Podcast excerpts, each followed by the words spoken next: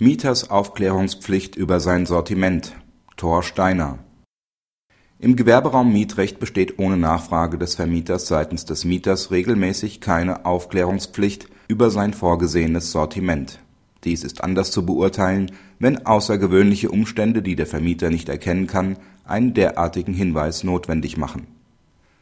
Die Klägerinnen vermieteten in zwei dem BGH jetzt vorliegenden Verfahren Gewerberäume an die jeweiligen Beklagten. Diese verkaufen dort fast ausschließlich Waren der Marke Thor Steiner, die in öffentlichen Medien und nach Berichten des Brandenburger Verfassungsschutzes eindeutig mit rechtsextremistischen Gesinnungen in Verbindung gebracht wird. In mancher öffentlicher Einrichtung, manchem Fußballstadion ist die Marke verboten. Als den Klägerinnen dies, teils nach gewalttätigen Protestaktionen, bekannt wird, fechten sie die Verträge an, kündigen vorsorglich und begehren geräumte Herausgabe. Der BGH gibt den Klagen statt. Bei Vertragsverhandlungen besteht zwar grundsätzlich keine Aufklärungspflicht über Umstände, die den Willen des Verhandlungspartners zum Abschluss des Vertrags beeinflussen können, insoweit ist jeder Verhandlungspartner eigenverantwortlich dafür, die ihm erforderlich erscheinenden Nachfragen zu stellen.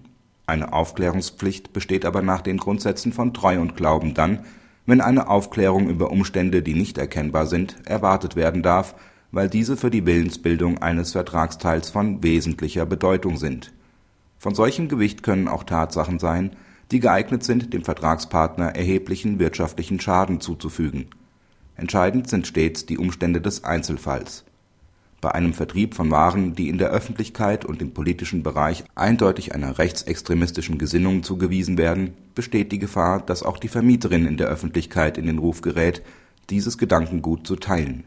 Sie muss zudem mit Protesten vor ihrer Immobilie und mit dessen Beschädigung rechnen.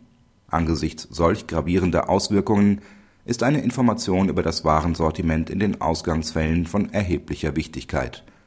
Die Klägerinnen durften daher auch ungefragt Aufklärung erwarten.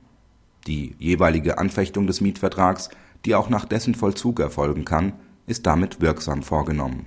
Ausblick Die zutreffende Entscheidung vermittelt nach außen hin möglicherweise einen politischen Hintergrund. Sie kann auch auf andere Bereiche der gewerblichen Miete zutreffen. Bei einer Vermietung zum Zweck des Verkaufs von Erotikartikeln oder bei der Anmietung von Räumen zum Betrieb eines Pornokinos etwa wird man mit ähnlichen Maßstäben messen müssen